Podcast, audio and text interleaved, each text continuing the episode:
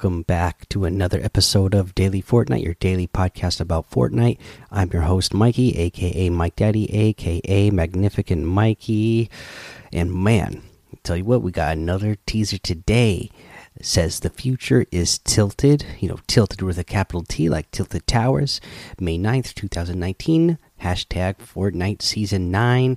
Um, with that being said, this has a O in the background. So this new uh, outfit that we see here, uh, he's got a hoodie on, a hat. He's got some sunglasses on. Uh, he's got uh, some headphones all around his shoulder, and then he's got like a some sort of GPS tracking device on his arm that looks like the Fortnite map. Uh, so we'll see about that. Uh, but you know, it's you know, what's he tracking? Why does he need uh, that tracker? And, You know, something. Maybe he's looking for something. Uh, maybe you know, we're expecting big changes around the map. Uh, you know, obviously the filters tilted here, so maybe we, as uh, we were thinking, that uh, tilted towers maybe that is going to get a uh, a new futuristic city there. Uh, so I'll be on the lookout for that. And uh, you guys, the te the teasers actually spells out Neo N E O, which means new. So yeah, I'm thinking there's going to be a lot of new stuff on the map. I think it's just going to be all new.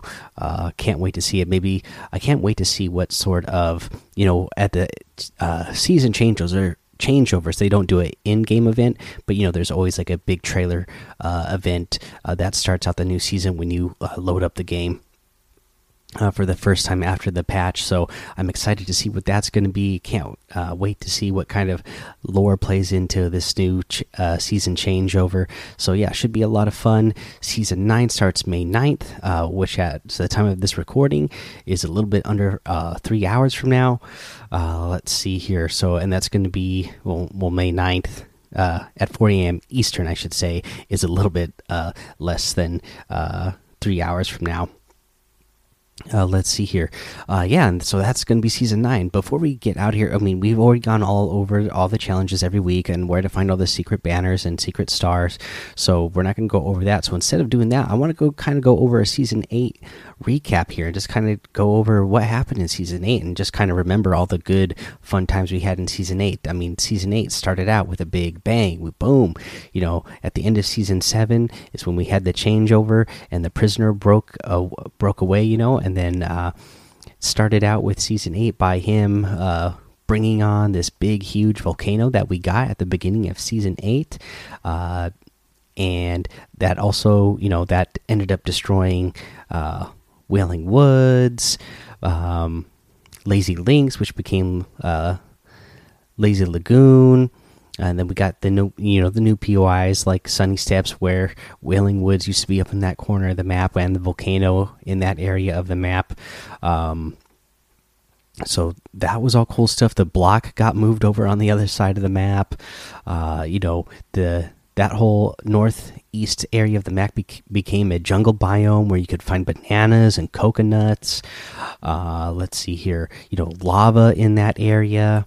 Uh, there was geysers. Geysers were a great way, or are a great way, to uh, rotate around the map. Uh, cannons. Uh, speaking of rotations, that was another thing. Uh, you know, we had the ballers, uh, treasure maps. that was a cool thing, fun little item to have in the game to, you know, find a treasure map and go dig that up, and then find, you know, gold, a bunch of gold weapons and a chug jug. So that was really cool. Um, so yeah, that was really fun stuff there. Uh, speaking of other things that happened in season eight, you know, we had we had uh, Siphon before that. Then during season eight is when Siphon was taken away out of public matches, and then you know there was a rift in the community uh, over that, and then we kind of found out you know it actually is uh, better for publics, and we still got Arena. Arena is still not perfect, but hey, that is the mode that you can play to get that Siphon uh, you know, even I have noticed uh, uh, most of the time I play with Bob, uh, I wanted to gain a couple extra points because during that time I was sick.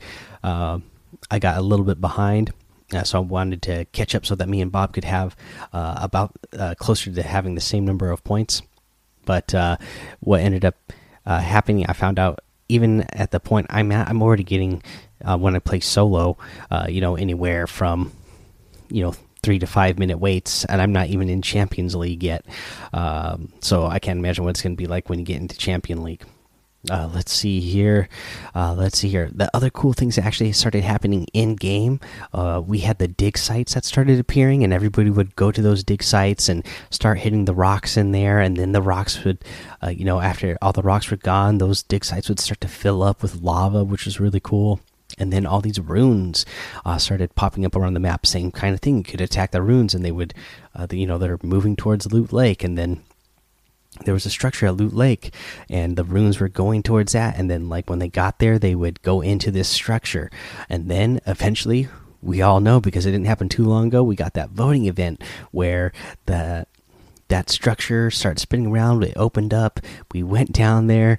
Uh, you hit whatever item you wanted to bring back. You unvaulted that, and uh, we unvaulted the drum gun. Uh, so yeah, really cool to see that. That was really cool uh, in-game event just to see, you know, how the overall what the majority of the community Fortnite community actually wants in the game. That was really fun. Uh, Tilted Towers and Retail Row were both blown up in that same event by the volcano. Uh, so those, you know, have been reduced to ashes now.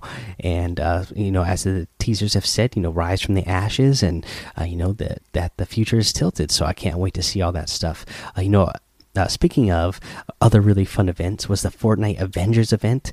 Uh, that was really fun. I actually just today finally got to go see the Avengers Endgame movie. So, you know, that just brought back memories uh, of playing Fortnite Avengers, and it just made it that much more uh, fun to think about that I was playing Fortnite Avengers. Uh, and yeah, uh, yeah. So a lot of really cool, great events. Oh, the Boom Bow was something else we got this season that uh, you know I was a big fan of once the Boom Bow came out. I really like that Boom Bow uh, just because it hits so hard. Uh, yeah, but yeah, that's uh, pretty much you know the season eight recap. That's all I can really think of. Uh, you know, again, I had a lot of fun in season eight, especially with that battle pass. You know, we had Peely in there, so that was a lot of fun. You get that Master Key guy with the tiger mask. Once you get to the point where you have the tiger mask, I really like that. Uh, you know, uh, I liked all the music tracks that were in the battle pass. So yeah, it was overall a pretty good season. I'm really excited for season nine though, and to see uh, what's gonna uh, happen there. Uh, let's see here, guys. Uh, that's all I really got to say about season eight though. So let's go ahead take a small little break, and when we come back, we'll go over the item shop and a tip of the day. It's Kaley Cuoco for Priceline. Ready to go to your happy place for a happy price? Well, why didn't you say so? Just download the Priceline app right now and save up to 60% on hotels. So, whether it's Cousin Kevin's Kazoo concert in Kansas City, go Kevin, or Becky's Bachelorette Bash in Bermuda, you never have to miss a trip ever again. So, download the Priceline app today. Your savings are waiting.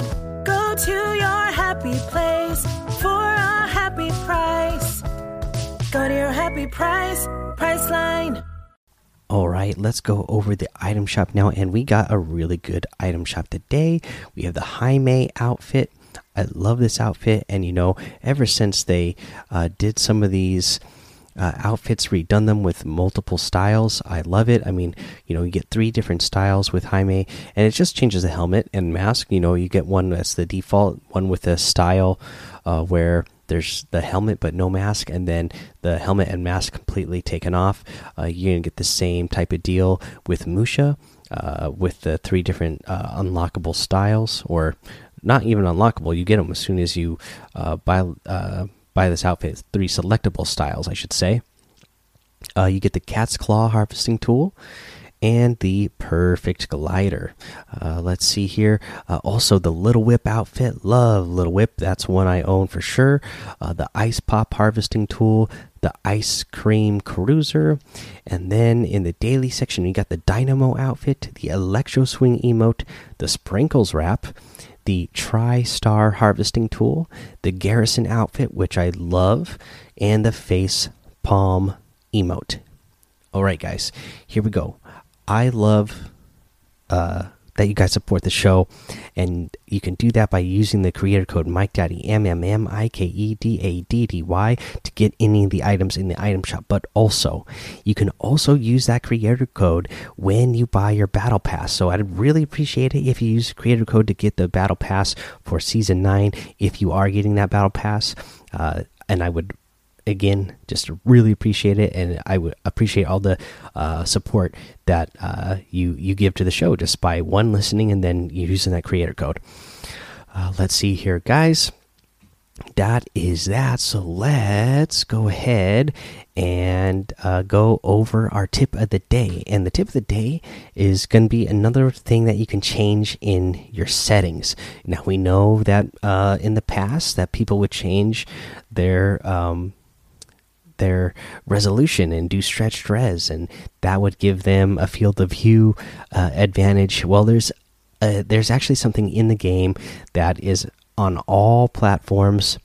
Uh, so it, I don't really think it gives anybody uh, any certain you know there's not one platform that could have an advantage over others by using this but i see more and more people talking about this uh, as content creators as pros especially are using this. But uh, like i said even people who are just mostly entertainers and content creators i see using this now just because you can see better in the game which helps you uh, you know make better content when you could see what's going on in the game better. And what i'm talking about here is the colorblind settings. You can change the colorblind settings. There's a couple different options that you have there but the one that seems to be the most popular that everybody is using is uh, the deuter uh, and then uh, changing that to the uh, level 5 uh, and what i have seen how this works is uh, the game gets a little bit darker overall, but it changes the colors just a little bit, but enough. Uh, you know, not enough to make the game look bad, but it changes it enough that it actually helps you see better, especially uh, when you're fighting in the storm. Now, this is a big, this has always been a big, huge problem for me. If somebody pushes me in the storm, or, um, you know, if I'm trying to gatekeep at the edge of the storm, I have a hard time keeping track of my enemies who are pushing up out of storm, and then I always end up getting uh, killed uh, by somebody who uh, I had the advantage over, but then all of a sudden uh, they start shooting at me, and I lost. I, I can't see them, and I lose track of them, and then I'm the one who's dead when I should have had them dead to rights because uh, I had them for a moment and then they get stuck in the storm. But then because of that storm, I lose track of them. Well, you change this uh, uh, colorblind setting to Deuteranope uh, level 5. Uh, it changes the color, no color enough that you can see in the storm just, you know, pretty fine. Um, and uh, if you're on the other side of the storm looking into the storm you could still see into it pretty good so you don't lose track of the player who is trying to get out of the storm. Uh, yeah, so that is something I would uh, suggest you look into uh, changing and see how it feels. It's it's not going to feel good for everybody. Not everybody's going to like it, but it's one that I would definitely suggest checking out. I haven't actually tried it on myself. I've just been watching other content creators and other pros use it. But just from what I've seen, uh, based off what I can see on their screen, I'm like, oh, okay, wow, that looks really good. That looks so much easier to see that I'm gonna try it out myself, and I'll let you know. I'll report back to you guys and let you know if it really does work that well for me. Uh, but uh, yeah, I would suggest changing it just based off of uh, gameplay testing that I have seen. Alrighty, guys, that's going to be the end of the episode. Come join us in the daily Fortnite Discord. Uh, I know there's going to be a lot of hype for season nine. Uh, let's see here. Follow me over on Twitch and YouTube. Um, Mike Daddy on both of those places. Head over to Apple Podcasts, leave a five star rating and a written review for a shout out on the show. Uh, let's see here. Um, subscribe so you don't miss an episode. And until season nine, guys, which is just hours away now, make sure you have fun, be safe, and don't get lost in the storm.